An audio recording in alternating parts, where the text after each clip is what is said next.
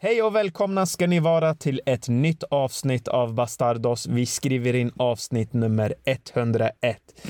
Vi är äntligen tillbaka och som vi är tillbaka, för vi ska nämligen summera år 2022 och det har ju hänt så sjukt mycket i fotbollsvärlden. Med mig har jag givetvis Bergarinho. Hur står det till med dig Bergar? Tack, det är bara bra med mig. Kul Härligt. att vara tillbaka. Efterlängtad. Ja, vi har tagit en eh, längre, längre paus, men eh, det här tror jag kommer bli uppskattat bland eh, lyssnarna och få höra vad vi tycker om 2022. Hur har ditt 2022 varit, Bergar?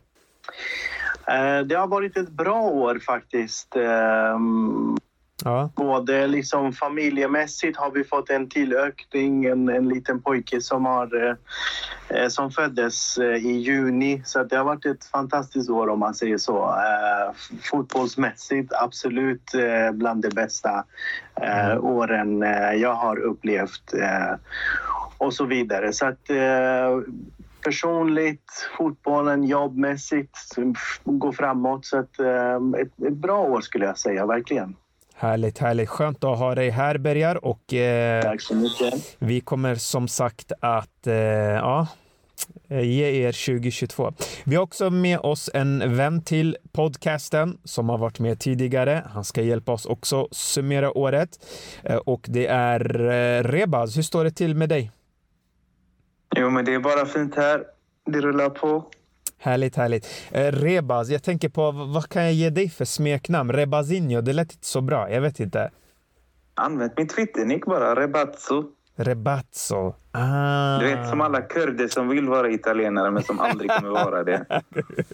exakt, exakt. Härligt. Ja, exakt. Hur har ditt 2022 varit då? Om du skulle ja, men det, har varit ett, mm. det har varit ett bra år, eh, både privat och eh, men främst fotbollsmässigt skulle jag väl säga. För eh, vi vann ju den där jävla Champions League som Zlatan brukar säga. Mm. Så nej, men det har varit ett väldigt bra år. Jag har ingenting att klaga på. Pandemin har väl tagit slut. Nu är den tillbaka igen. Så mm. det är vad det är lite. Men man ska inte klaga. Precis. Ehm, jag tycker också att det har varit ett bra 2022. Upp och ner faktiskt. Eh, ett krig startade, det är inte så roligt eh, och det är mycket konstigheter i världen. Men eh, sen finns det andra saker som är ljuspunkter och det är väl de man får liksom hålla i, tycker jag. Mm. Hörni grabbar, eh, vi börjar med 2022. I januari, där, februari någonstans, där den här explosionen börjar på året. Eh, det var inte många som hade räknat med vad som skulle hända. Berger, vi har ju tagit upp ändå den här Champions League-resan och Rebas, du har också varit med på det. Vi har pratat liksom både känslomässigt och i detalj kring de här matcherna. Vi har pratat mycket om individuella insatser. Min fråga nu så här i efterhand, Berger, eller till er båda, Eh, men först till dig Bergar, det är vad njöt du mest av eh, från de här otroliga comebackerna och den resan Real Madrid i Champions League? För om ni frågar mig så tycker jag det som var ändå nu sig efterhand när jag lagt liksom allting bakom mig, eller man lägger sig aldrig bakom när man firar det eh, fortfarande för det var så galet. Men för mig är det allting som hade hänt tidigare trots allt skit som hade skrivits i media, Zidans avgång, det lämnade en bitter eftersmak. Spelarna var inte riktigt kanske klara i sin utveckling. Några som eh, höll på, men det hade inte riktigt kommit dit än.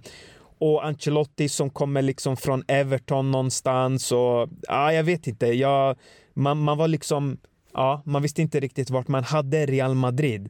Eh, och ändå så står man där till slut som vinnare. Och jag menar, det är väl ingen annan klubb i världen som hade lyckats med det här.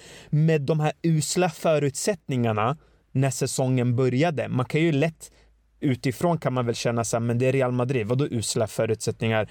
Eh, Real Madrid spenderar alltid mycket pengar, det är alltid en stor klubb, man levererar alltid. Ja, fast det är ju inte alltid så lätt eh, som man tror utifrån är det enkelt att säga att ja, men eh, det är Real Madrid, men det var inte så. Det var mycket som var uppe i luften och ändå är man där och man gör det på det otroliga. Så det var det mest, det jag liksom kunde njuta mest av och ja, eh, slå lite på fingrarna på de som hatade. Bergar, vad säger du? Jo, men absolut. Jag håller med dig fullständigt. Den här sjuka resan Eh, från att liksom in med Ancelotti som du var inne på, ingen större värvning under den sommaren. Eh, tankarna var ju lite kring att eh, han skulle eventuellt få igång Hazard och Bale.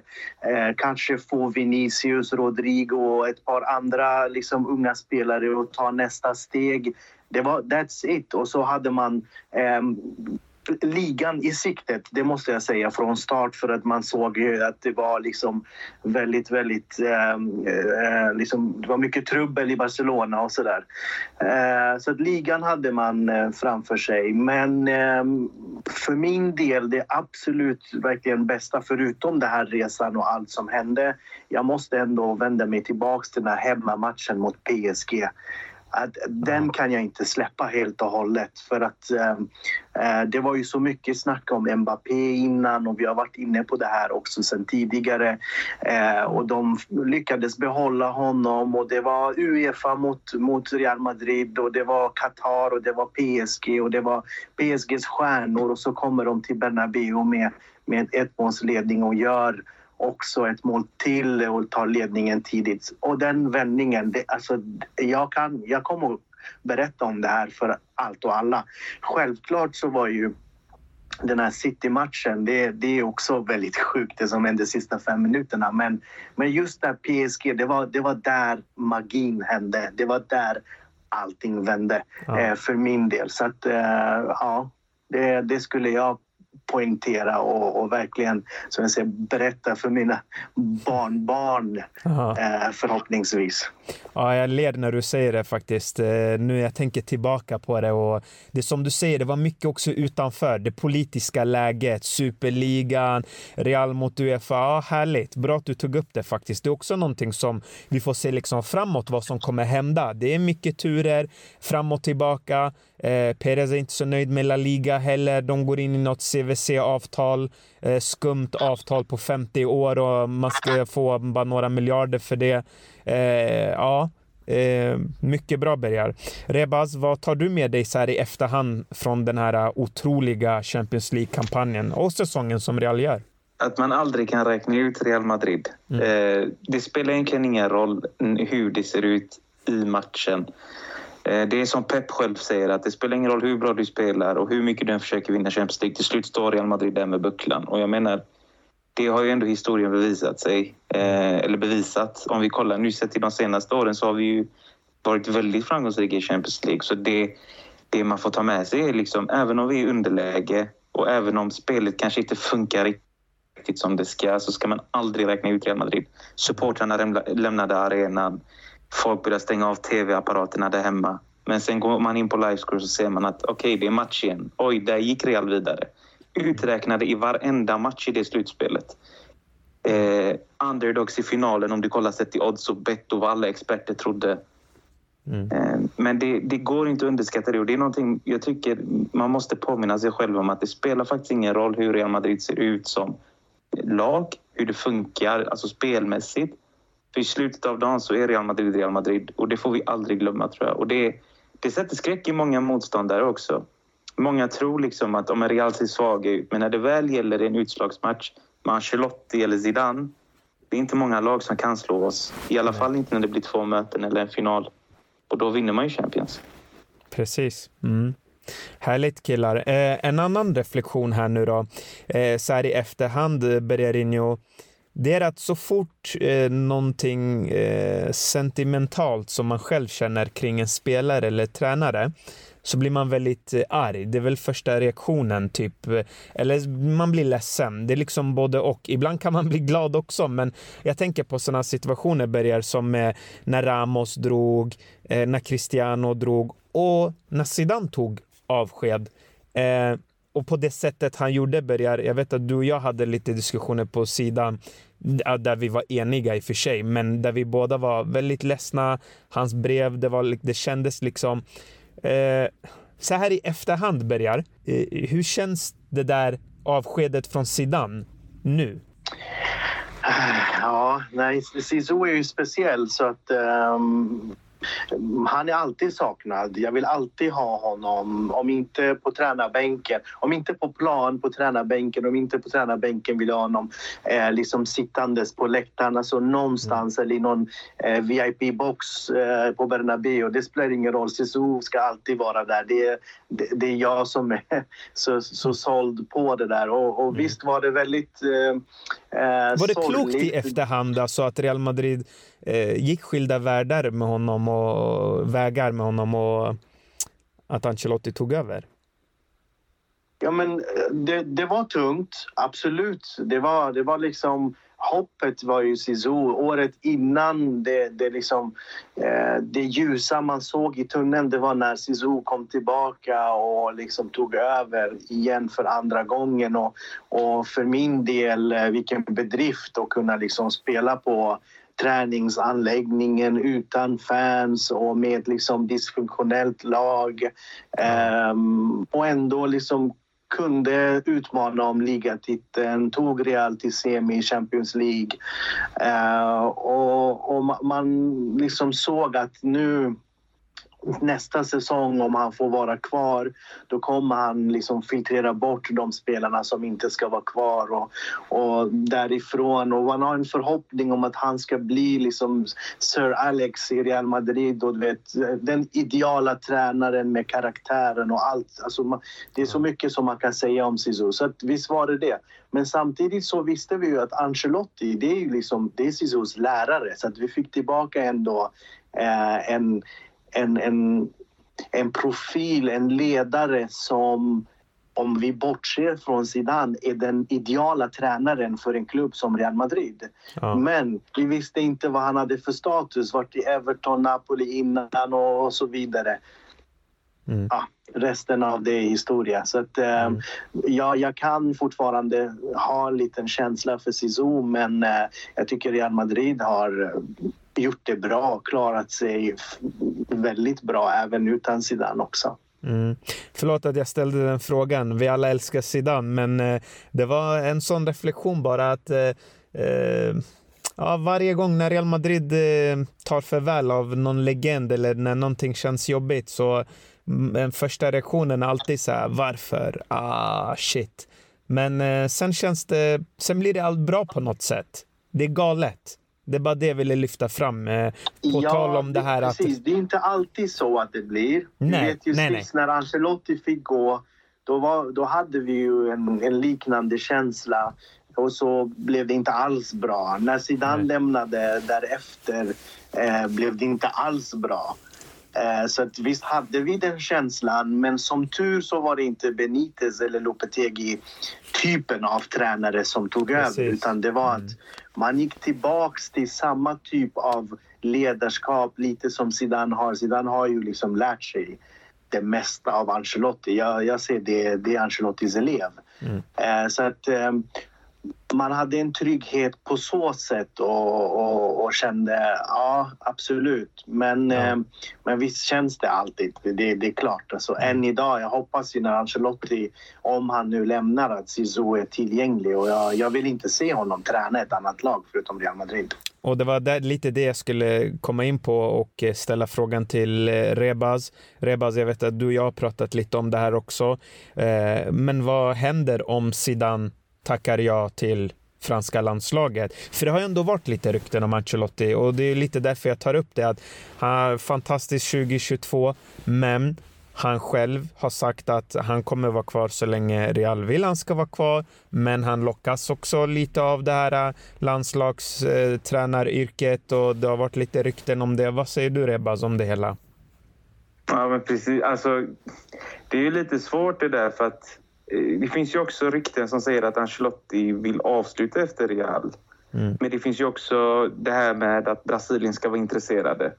Och säg då att vi är i ett läge där Carlo tackar ja till Brasilien och Zidane har fått franska landslaget. Jo, men då står Real Madrid istället utan tränare och utan alternativ som är självklara. Då blir det väl någon slags chansning och någon gamble och då kanske det är tränare som Tuchel som blir aktuella. Mm. Eh, som, jag vet inte om de är riktigt rätt profil. Sen är jag lite rädd för att Perez kommer gå för en som Allegri eller Conte eller något sånt. Ja. Även om jag gillade Allegri för några år sedan så är hans fotboll idag lite... Alltså jag vet inte om den är så aktuell längre. Hans sätt att spela på passar kanske inte riktigt vår trupp heller. Passar konor. Så, vad sa du? Det passar konor. Det passar konor, ja. Precis, exakt. Det passar inte spelare som är skickliga individuellt. Mm. Han fick Liechtenstein att se ut som prime Dani Alves. Så alltså, det är de här grejerna. Det är lite svårt, för Real Madrid är också ett lag där du ska liksom försöka få spelare att blomma ut på det individuella planet. Precis. Och där måste det finnas tränare som är duktiga på det här med att hantera spelaren och människan snarare än bara det taktiska som Tuchel kanske är. Tuchel är väldigt taktisk och såg väl ut att ha lite problem när han var i PSG med Mbappé och Neymar. Men om man kollar i, med Ancelotti och Zidane som verkar vara tränare som verkligen tar hand om spelarna och får dem att känna sig inkluderade och en del av gruppen. Och därefter lyser också spelarna på plan. Så det är jättesvårt att hitta en profil som skulle funka. Och det där är faktiskt en risk som Real borde alltså, överväga, vilket de säkert gör, men som många fans kanske skiter i och tänka och reflektera över. För att står vi nu till sommaren eller senare längre fram utan något rimligt trän tränaralternativ, då då kan det bli tufft för vi måste ha en tränare som också har attraktionskraft. Även om Real alltid har attraktionskraft så behövs det också en coach som, vill, eh, som spelare vill ansluta sig till. Mm, verkligen. Jag har ju varit länge för en eh, tränare som eh, eh, kan också sätta ett fint spel, ett bra spel. Sen är jag inte lika kåt på det som andra eh, är, men jag tycker det är ändå viktigt eh, och jag tycker också att det finns ändå M2-tränare som är intressanta ur det perspektivet och också som jag tror eh, kan leverera i Real Madrid. Men det är verkligen som du säger, det är väldigt svårt alltså att bjuda upp på en bra fotboll samtidigt som man ska behålla harmoni, samtidigt som man ska ha ett, eh, en viss karaktär, personlighet för det. Eh, det kommer bli otroligt intressant att se faktiskt vem det kan bli efter Ancelotti. Eh, börjar, om jag frågar dig, 2023 eller 2024, vem tror du det blir om inte Ancelotti är kvar? Min spontana känsla är att Real Madrid har jobbat på det här ganska länge faktiskt eh, och har en plan B. Eh, precis som den eh, liksom den planen de har i sitt liksom värvningspolicy så tror jag det finns för en tränare också. Där står ju Zidane högst upp på listan. Men jag tror efter Zizou så är det Raúl eh, González Blanco som är eh, den rätta profilen för, för att ta över eh, truppen. Jag tror att han är kvar i Castilla och han, de levererar ju till den mån de kan med den truppen de har och så vidare. Men jag tror att han rör inte på sig för att han är mer eller mindre liksom har fått något löfte om att eh, går Carlos så är det du som ska kliva in här och han är kvar i liksom i, i föreningen och i klubben och han vet ju hur allt ska funka och en respekterad person och han har en viss fotbollsfilosofi som är väldigt lik den spanska liksom, fotbollen och sådär. Uh, så jag, jag tror att uh, det kommer att vara Raúl som står på tränar um, liksom bänken eller sitter på tränarbänken um, när, um, om Carlo Ancelotti lämnar. Mm. Mm. Kul, intressant. Eh, och från en spekulativ person till en annan. Eh, och eh, vi ska ju såklart då summera det här året och det här har ju ändå lite med Real Madrid att göra. Zidane har mycket med Real Madrid, men det här är också en spelare som eller det här är en spelare som ehm, många är lite oense om. Det är lite 50-50 Rebaz, men Cristiano Ronaldo Sonen är tillbaka i akademin, läste jag idag. Eh, det har spekulerats mycket kring honom. Eh, han gjorde den här galna intervjun med Piers Morgan. Och eh, min fråga är egentligen där, ett, vill du ha tillbaka honom till Real Madrid? Och två, vad hade du känt om det hade varit en Real Madrid-spelare som hade gjort en liknande intervju? Det är två svåra frågor. Mm. Om jag hade velat ha tillbaka honom i Real Madrid jag kommer nog aldrig tacka nej till Cristiano Ronaldo tillbaka i Real Madrid. På samma sätt som Barcelona-supportrar aldrig kommer tacka nej till Lionel Messi tillbaka till Barcelona. Mm. Så den frågan tycker jag är ganska självklar. Sen vilken roll han kommer ha och de bitarna, eh, det får man ju se. Eh, men jag skulle aldrig någonsin tacka nej till Cristiano Ronaldo.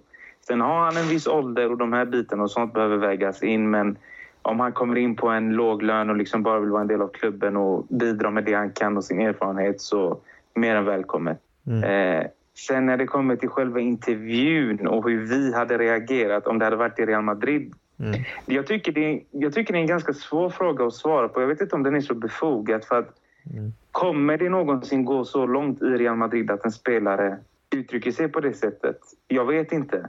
Men om nu den spelaren hade gjort det, hur hade man reagerat? Mm. Ja, du. Alltså, med tanke på, om man ska då sätta det lite i kontext, kolla situationen Manchester United befinner sig i. Mm. De presterar inte. De har inte presterat på flera år. Alltså, vi snackar sen Fergusons sista säsong så har de inte varit ett wow-lag överhuvudtaget. De har inte konkurrerat i Europa. De har knappt konkurrerat om ligatiteln. Så att en profil som Cristiano Ronaldo kommer in och kritiserar så mycket som han gjorde det kanske är hårt, men mycket av det han har sagt är det som Rangnick har varit inne på, Mourinho har varit inne på det, folk runt omkring klubben har varit inne på det, pandits och allting i England. Så det han säger är kanske inte så jäkligt kontroversiellt utan det som är lite häpnadsväckande är hur hårt han går mot Ten Hag. Alltså den aktuella coachen. Eh, och där tror jag snarare det har att göra med eh, lite alltså agenttaktik från Mendes och Cristianos sida. De vill få United att bryta avtalet. Och det här är också en grej. Den här situationen hade aldrig uppstått i Real Madrid. För Ronaldo ville lämna i som, den sommaren. De lät honom inte gå. Hade Ronaldo velat lämna Real Madrid, då hade de låtit han gå. Precis som när han gick till Juventus. Ja. Så det, jag tycker det där är lite ett bevis på att hur misskött United är som en förening och låter det gå så långt. Det hade inte hänt i Real Madrid. Mm. Mm. Så därför, jag vet inte alltså om jag kan ta någon ställning till det. Om ni, om ni har något om hur ni hade reagerat. Alltså det är klart man hade blivit lack. Men jag har jättesvårt att se det scenariot inträffa i Real. Mm. Alltså jag, eh, jag, jag älskar ju Cristiano Ronaldo. Eh, och jag har ju lite, eh, lite svårt för att eh, kritisera honom med tanke på allting som han har gjort. Jag tycker är man Real Madrid-supporter Eh, man ska vara tacksam mot det han har gjort och eh, samtidigt såklart, man ska inte vara blind heller, men det är väldigt svårt som du säger Ebbas, för att det är ju en spelare som har gett så mycket till oss madridistas och eh, jag vill 100% ha honom i Real Madrid. Jag tror att man kan skräddarsy en roll för honom, speciellt med en tränare som Ancelotti. Jag tror att det går att, att, att ordna eh, och eh, Real Madrid eh, tycker jag också är behov av en sån spelare. Så att eh, jag är för det alla dagar i veckan. Sen till intervjun. Eh, det är som du säger även där. Vad skulle han han annars ha sagt då? Hållt allt under ytan, lämnat United och när skulle han ha gjort det? Skulle han låta det här få fortsätta? Eh, nej, det är inte heller något bra. Det var bra att han gjorde så här. Båda parter fick det de ville. Han lämnade. Jag tycker att intervjun var klockren. Jag tycker det var bra att han förklarade vissa saker som han sa att han skulle förklara. Eh, jag tycker det var inga problem. Jag ser inga problem med det han gjorde alls. Jag tycker folk överreagerade eh, och det var ju lite också det Piers Morgan gjorde när han släppte korta delar och folk fick för sig en massa utan att släppa hela videon där man fick liksom allting förklarat. Jag vet inte vad han annars skulle ha gjort i det här fallet? Grejen är, det som jag reagerar lite mot och jag också förstår fansen är hur hårt han går mot en alltså, sittande tränaren. Mm. Jag menar, det är ändå klubben som gav dig chansen på den europeiska toppscenen. Det är klubben som också sålde dig sen till din drömklubb. Det var där du vann en Champions League. Det var där du också liksom var världens bästa fotbollsspelare redan som ung. Du hade en tränare som tog hand om dig. På de bitarna. Jag tycker ändå att alltså, för mig så, så blir det konstigt någonstans när du går så hårt mot en tränare som är tränare i klubben du är i just nu. För han var under kontrakt när han gjorde den intervjun. Det får man inte, heller inte glömma. Mm. Men jag tror hela tiden att det här har att göra med att det är en taktik för att få dem att häva avtalet. För säg att han inte hade gjort den här intervjun, då hade han varit tvungen att sitta tyst. Då hade Mendes säkert försökt förhandla bort ett avtal, men då hade ju de velat att Ronaldo köper sig ur. Det här blir något slags sätt för dem att... Jag vet det, det här var avtalet och han får säkert betala något som inte rör honom överhuvudtaget. Men alltså, jag tycker mycket av det han säger är vettigt och rätt och befogat. Men just den lilla detaljen tyckte jag han hade kunnat skita i. För han gick så hårt åt United ändå. Mm. Så jag tror det ändå hade räckt. Men att gå så hårt mot Ten Hag vete fan. Sen påstår inte jag att Ten Hag är fläckfri. Det har jag varit väldigt tydlig med också i diskussioner som jag haft på, med, med folk. Mm. Eh, jag tycker han har fel i det här med, med vissa bitar. Men jag tycker ändå att Cristiano Ronaldo är så pass professionell och har visat i så många år att det där var en liten, det var en liten slip av honom. Eh, och det var lite ovanligt att se honom gå så hårt mot en tränare. För och det, och det, det... Jag menar, killen har haft betydligt sämre tränare än honom och ändå hållit käft. Och det är det lite jag tänker också på. Det att hade det här varit en annan eh, spelare, vilken som helst i, i, i princip, eh, då hade jag inte förstått det heller. Det är en lallare. Men att det kommer från Cristiano Ronaldo, som du säger, det också mm. chockade mig. För det som du säger, det finns ingen prof mer professionell fotbollsspelare än honom. Eh, men vi vet ju inte. Det var också mycket bakom kulisserna där med hans dotter. Också galet av klubben att bete sig som, som de gjorde kring den där situationen. Eh, ibland glömmer man också att de här fotbollsspelarna faktiskt har ett liv vid sidan av fotbollsplanen. Men mm. så här i efterhand Ja, han gjorde väl rätt. Alltså, skulle, han, blev, han fick det han ville i alla fall. Och det var väl så... Ja, precis. Alltså, ja. Exakt. Om man ska se det utifrån vad han ville få ut av intervjun ja. så fick han ju det han ja. ville. Precis. Sen om han blev en bov eller inte, det kanske är mindre viktigt för honom. Men exakt. han fick sitt avtal här och nu letar han klubb. Frågan är bara var han hamnar. Mm. Bergarinho, vad säger du om eh, hela Cristiano-intervjun och eh, om du hade tagit tillbaka honom till Real Madrid? Eh, nej, jag liksom håller med det mesta ni har sagt och jag hoppas verkligen att eh, Real eh, tar vara på den möjligheten nu när man inte har en ordentlig liksom, ersättare eller reserv till Benzema eller i alla fall någon som eh, som kan förstärka offensiven ytterligare än det man har idag. Man har liksom en död Hazard och Mariano och så vidare. Mycket dödkött liksom på bänken. Så att, eh, visst skulle Cristiano må bra av att vara i Real Madrid och Real Madrid skulle nog ha väldigt mycket nytta av honom i alla fall eh, till att börja med de här eh, sex månaderna fram, fram till sommaren. Som, sen får man se. Mm. Eh, och, och, jag tror att en klubb som Real Madrid skulle kunna få igång honom igen för det, man ser ju killen trivs inte liksom, på fotbollsplanen och inte lika glad och inte lika liksom, motiverad som han är tidigare och skulle behöva eh, ett par veckor med Antonio Pintus så tror jag han skulle vara igång igen. Eh, sen är jag också, jag, jag håller med om att när han totalsågar Manchester Uniteds ledning så är det någonting som har gjorts tidigare och det är jättebra att det kommer från en sån spelare för att det ekar verkligen världen över men eh, är lite emot eh, eh, att han nämner eh, att han inte har någon respekt för, för Ten Hag och så vidare. Och, och självklart skulle han kunna säga det där på ett annat sätt. Eh, för att han, näm han nämnde att han, han har inte respekt för han visar inte respekt för mig eh, som, som fotbollsspelare. Och jag håller med att när, när han liksom slänger in honom en, eh, när det är två minuter kvar av en match eller när han inte byter in honom överhuvudtaget eller får honom att spela liksom en, en torsdagkväll mot, mot eh, någon liksom motstånd i Europa League. Det är ju liksom, det, det är inte så mycket det ger inte så mycket motivation i den turneringen och så där. Så att eh, eh, behandlingen av Ronaldo under eh, liksom, den här hösten tycker jag inte varit bra från United.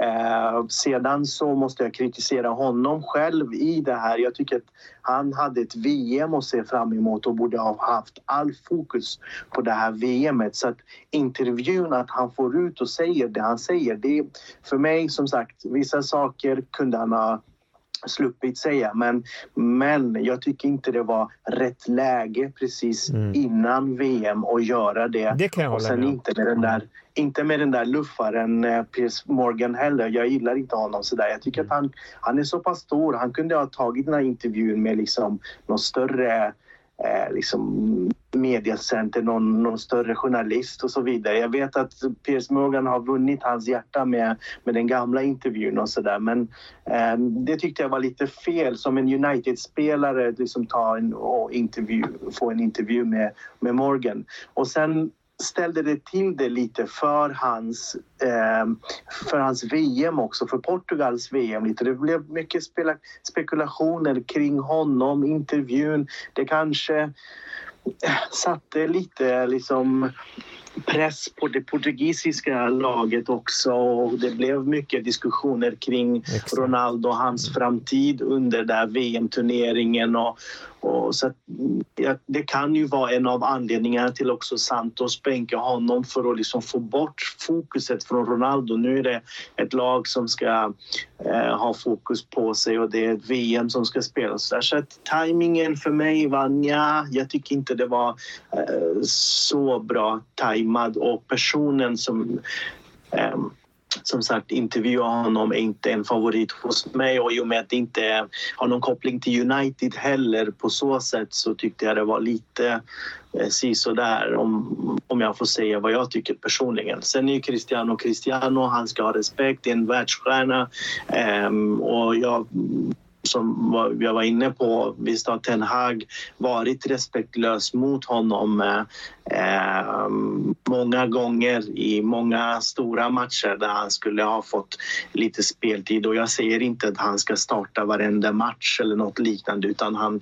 kunde ha behandlat Cristiano som en stjärna på ett bättre sätt än han har gjort. Mm.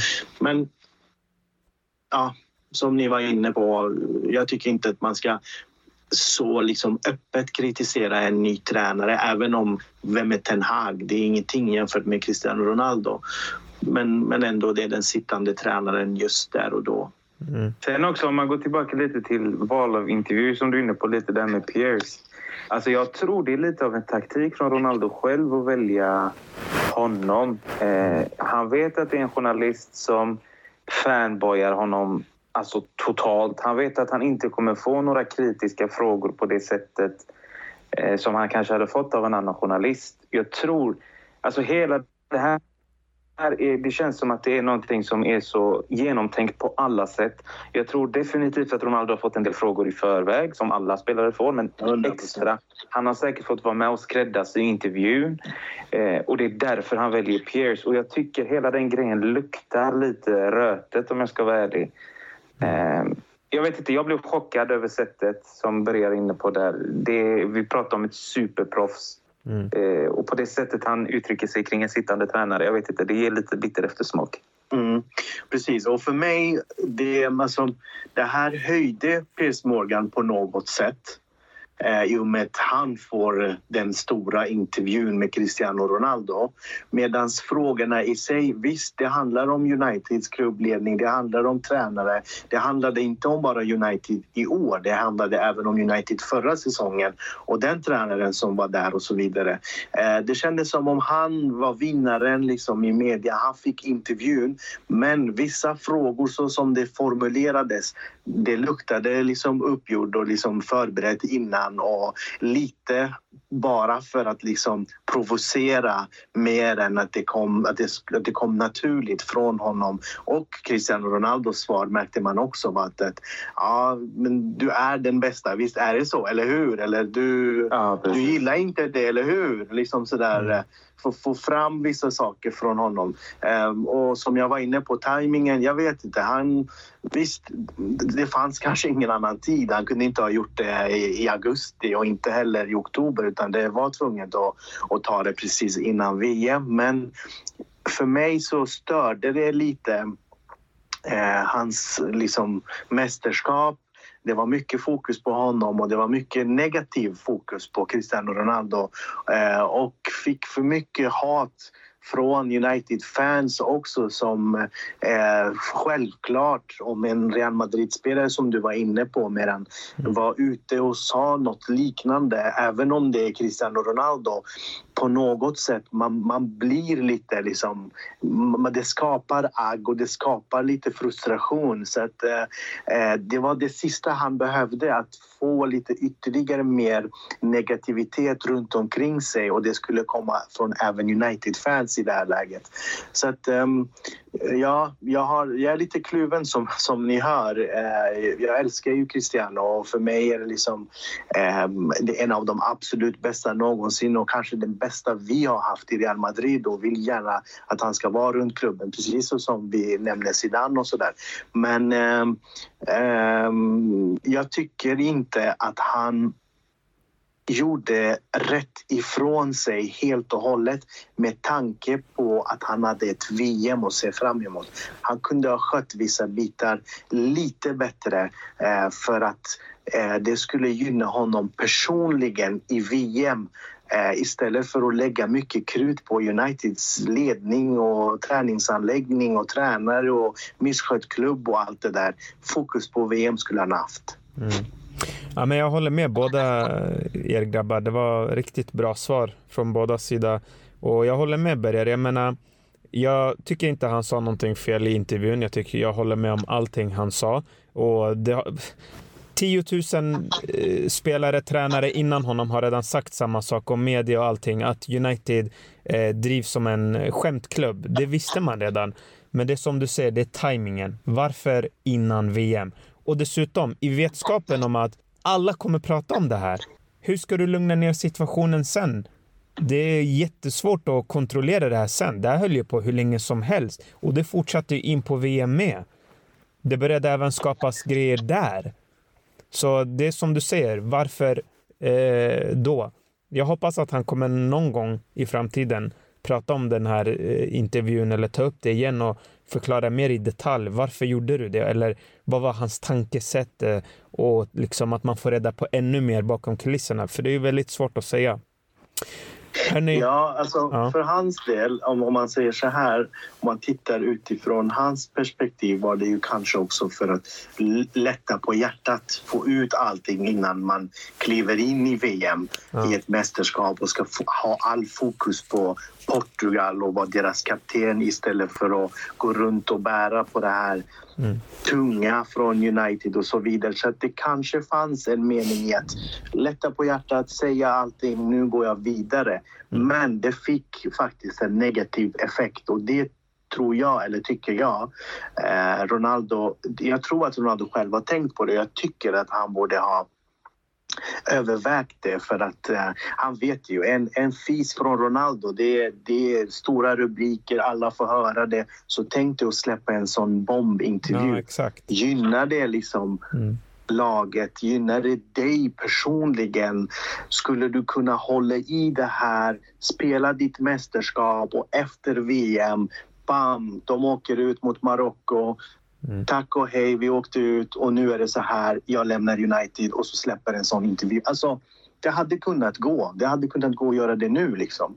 Mm. Um, de hade, han hade kunnat komma överens med United om att nu under tiden jag är borta, förbered er. Uh, hitta en annan anfallare för jag kommer inte stanna kvar. Mm. Och så släppa intervjun. Liksom. Så att, um, det kunde ha gjorts annorlunda och vi kanske låter, det, det, kanske låter efterklokt nu i efterhand och sådär.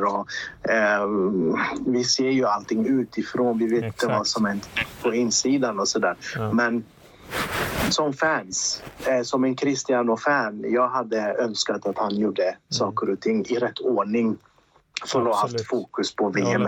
Och, och visst, eh, det här hösten i United har varit tung och att inte få spela kontinuerligt i hans ålder, det påverkar ju sådär.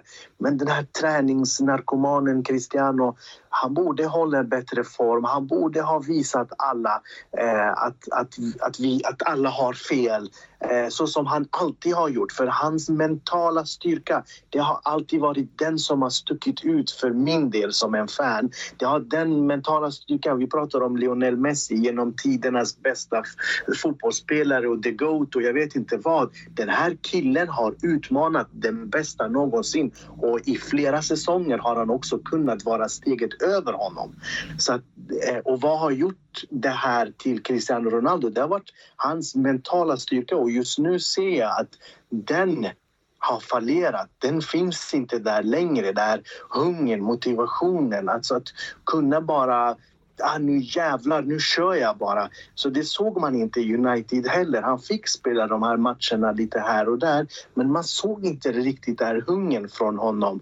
Det här liksom den här Cristiano Ronaldo-sidan som man är van att se. Det här Cristiano som kom tillbaka till United och alla bara var, var liksom osäkra och, och snackade skit och helt plötsligt började han avgöra gruppspelsmatcher efter gruppspelsmatcher i Champions League och hattrick här och hattrick där och så fick alla att hålla käften och tycka att ah, vad fan, det här var ju riktigt bra gjort. Men och så kommer det här, du har inte levererat, du har ett VM att se fram emot. Ehm, allt du har sagt, visst det är sanningen, det är det. Men hade du, när du har ett VM och du vet att minsta lilla negativa som kommer ut om dig personligen kan påverka, kan liksom påverka laget du spelar i också. Exakt. Så hade jag väntat liksom med, mm. med den intervjun.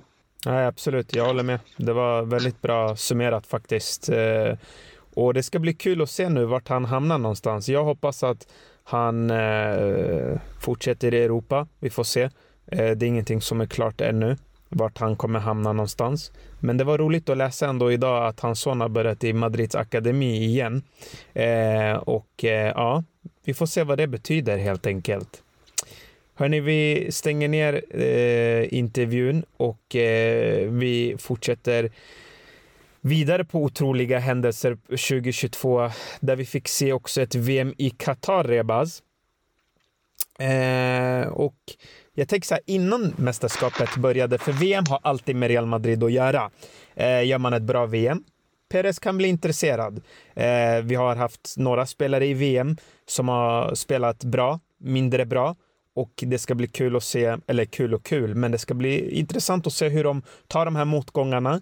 Eh, och eh, innan VM drog igång Reba så var det mycket prat om det här moraliska och etiska. Nu så här i efterhand, vad tyckte du om det här VMet ur ett moraliskt perspektiv? Alltså, ur ett moraliskt perspektiv så är det ju Självklart är många bitar med det som är problematiskt. Det finns ju uppgifter om korruption som fortfarande är olö olösta och obesvarade delvis från eh, delegationen. Eh, det finns ju fortfarande frågetecken kring hur Fifa har hanterat det. Eh, hur migrantarbetarna faktiskt har behandlats. Qatar ser en sak medan omvärlden en annan. Mm. Eh, det är ju många grejer som liksom, trots att VM spelas fortfarande, fortfarande är obesvarade och jag tror inte vi kommer att få svar på de frågorna. Eh, hur mycket vi än önskar och vill.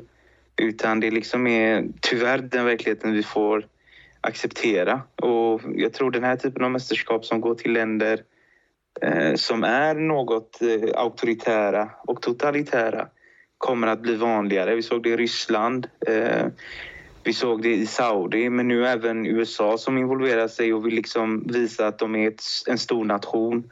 Eh, det är ju givetvis inte bara ett sportsligt, eh, en sportslig ambition i varför de vill anordna ett VM utan det ligger också något politiskt bakom det.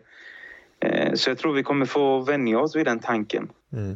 av att det blir vanligare och vanligare med de här staterna. Frågan är när Kina kommer vilja ha ett VM. För de har ju satsat oerhörda pengar på fotboll de senaste åren så att de skulle ansöka om något VM om några år är inte heller osannolikt. Mm. Eh, vad, vad, känner du nu så här då, nu när VM har eh, spelats klart och rent sportsligt då? Hur, vad, vad kände du ja. kring det här VMet då? Rent sportsligt så är det nog det bästa VMet som jag minns. Mm. Eh, sett till nivån på matcherna, spelarna dels också för att de är i form. Eh, det är liksom mitt i säsong och det tror jag bidrog mycket till att det såg ut som det gjorde. Eh, och sportsligt var det ju väldigt roligt också för det var ju många små nationer som skrällade. Jag menar, vem hade kunnat tippa att Marocko skulle gå till semifinal och störa stornationerna? Liksom slå ut Portugal, vinna flera matcher i mästerskapet och till och med störa Frankrike. Mm. Det var nog inte många som vågade tippa det. Så rent sportsligt så var det ju fint och, och riktigt bra.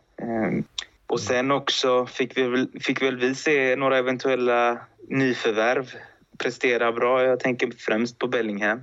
Eh, Mbappé vågar jag inte ens ta upp eh, för att eh, varje gång jag gjort det så har jag blivit skyldig Berger en hamburgare. Snart kan vi vara skyldiga honom en årskonsumtion så jag tror jag håller käft där istället. Exakt. Var, var det hamburgare nu? Nu är vi uppe på lite... Det är wagyu nu va? Ja, wagyu, eller hur? Ja. ja, fan det får nog bli det. Eh, nej men så, alltså rent sportsligt så sett så har det varit ett jätte, jätteroligt mästerskap att följa. Även om tiderna har varit lite jobbiga när man har jobbat. Men eh, Nej, men jag har inget att klaga på rent sportsligt faktiskt. Mm.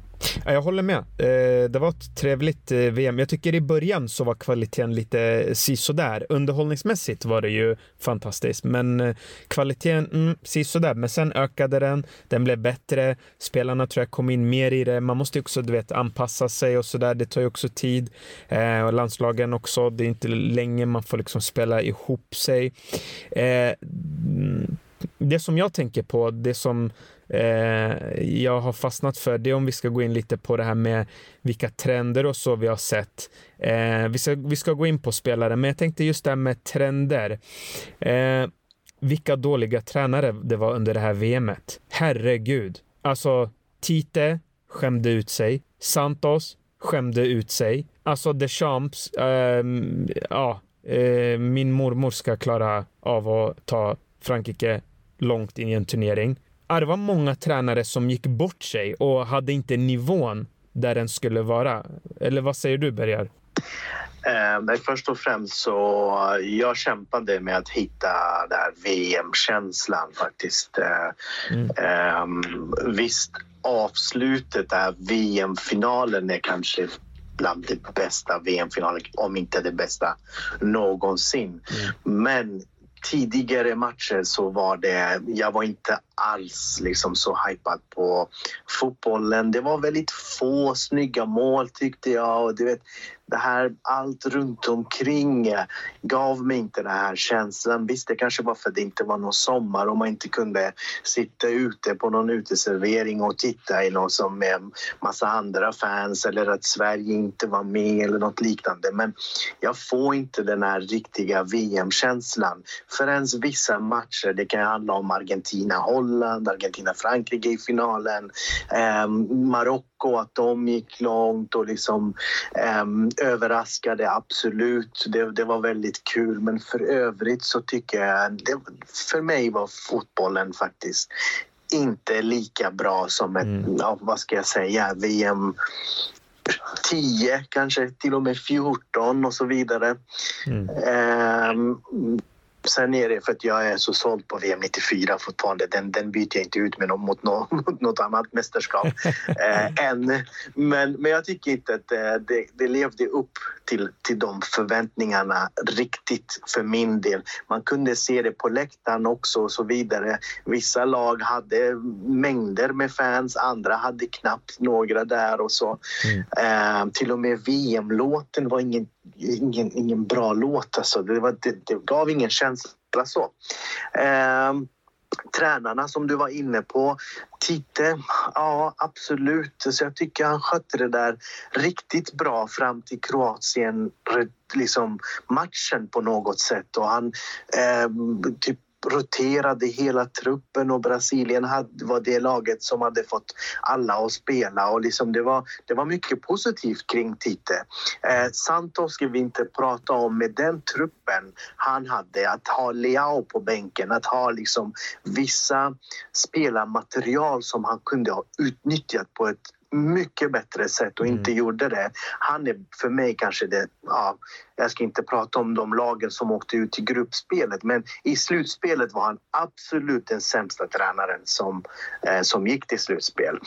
Eh, så att, eh, ja besviken. Det, det, skulle jag, det är min känsla av det här mm. eh, VMet. För det finns enstaka matcher som var bra och avslutet gör det också till eh, att man kanske minns det här VMet på ett bättre och mer positivt sätt. Exakt, hade finalen slutat 0-0 mm. så tror jag vi Ja. hade haft en annorlunda känsla. Eh, och, och, trenderna som man såg, ja, det, det, var, det var mycket men eh, för mig var Argentina det här... Eh, det påminde väldigt mycket om Real Madrid det var så här, de, de spelade när de ville spela, de backade hem när de skulle backa hem och de liksom växlade upp känslan. när de ville växla upp ja. och så vidare. Det var väldigt lik eh, Real Style om man säger så. De, de hade fattat att för att vinna ett mästerskap, man kan inte heta Luis Enrique och försöka ha 90% bollinnehav och bara rulla, rulla, rulla, rulla, rulla, rulla och där, det ska ge någonting. Nej, det finns momentum i match och det här är Sisu-fotboll. Det är Real Madrid i nötskal skulle jag säga. Mm. Eh, så att Argentina med sina legender med Walter Samuel, Ayala, Aymar och hela gänget på bänken och Scaloni som tränare. De, hade, de kom mest väl förberedda av alla lag eh, och spelade den fotbollen som man ska spela i ett mästerskap eller i en turnering eh, för att kunna slå ut varje motståndare så som de kunde göra. Mm. Nej, jag håller med. Alltså, det var ingenting Argentina inte kunde göra. Man pressade bra, man backade hem bra, man hade bra possession om man behövde det. Alltså, det var liksom ett komplett, komplett landslag. Eh, mm. jag... Sen, sen måste jag bara till, jag, jag, är väldigt känslig kring det politiska som var i bakgrunden av det här VMet. Mm. Jag vet att PSG och Qatar hade sina intressen. Jag vet att Fifa hade sina intressen. Jag förstår. Alltså, det, det, jag, vet, jag vill inte säga att det var helt genomskinligt vilka två man ville ha i final helst eller hur man ville att finalen skulle gå och så vidare. Men det, det, var mycket politiskt som pågick också i det här Qatar-VM. Det kunde ha slutat absolut åt vilket håll som helst i finalen. Det är inte det att det var eh, liksom mer eh, lutad åt, åt, åt en sida. Eh, hade den här, eh, vad heter han? Kolomouani. Eh, Kolom, Kolom, Kolomani, heter han så? Ja, något sånt. Moani. Moani. Ja. Ja. Moani, hade han satt det där målet så hade satt det där skottet i 123 så hade ju Frankrike förstås vunnit. Så, så det är inte så. Men, men man såg tydligt att målet med Macron på, på läktaren och liksom Qatars eh, sheikh och så vidare, det var att få två av de här stora PSG-stjärnorna till finalen för det skulle sälja bäst, det skulle se bäst ut. De kanske fick med sig lite domslut här och där, lite billigt och så för att det skulle underlätta för dem och, och de var ju ryggen på de här två lagen hela vägen mm. fram till finalen. Så att, eh, det var lite tydligt, lite kontroversiellt om man, ska, om man, om man vill ha den jag, jag, jag älskar ju eh, lite konspirationsteorier så det är bara att köra. ja, men jag, jag, jag, tycker det var, det var, det var, det var uppen, uppenbart. Alltså, det var ändå mycket konstigt med det här VMet. Låt oss vara ärliga. Det, det var det. Det, det, det, var mycket som var konstigt. Sen var det mycket som var också fantastiskt såklart. Alltså, det sportsliga och vissa grejer, absolut. Även om jag tyckte ja. som sagt kvaliteten kunde ha varit bättre. Men det är som du säger, vissa grejer kändes fishy fishy. Ja, jag har aldrig mm. känt av det politiska i ett fotbolls-VM lika mycket som jag gjorde i det här VMet, måste jag säga. Mm.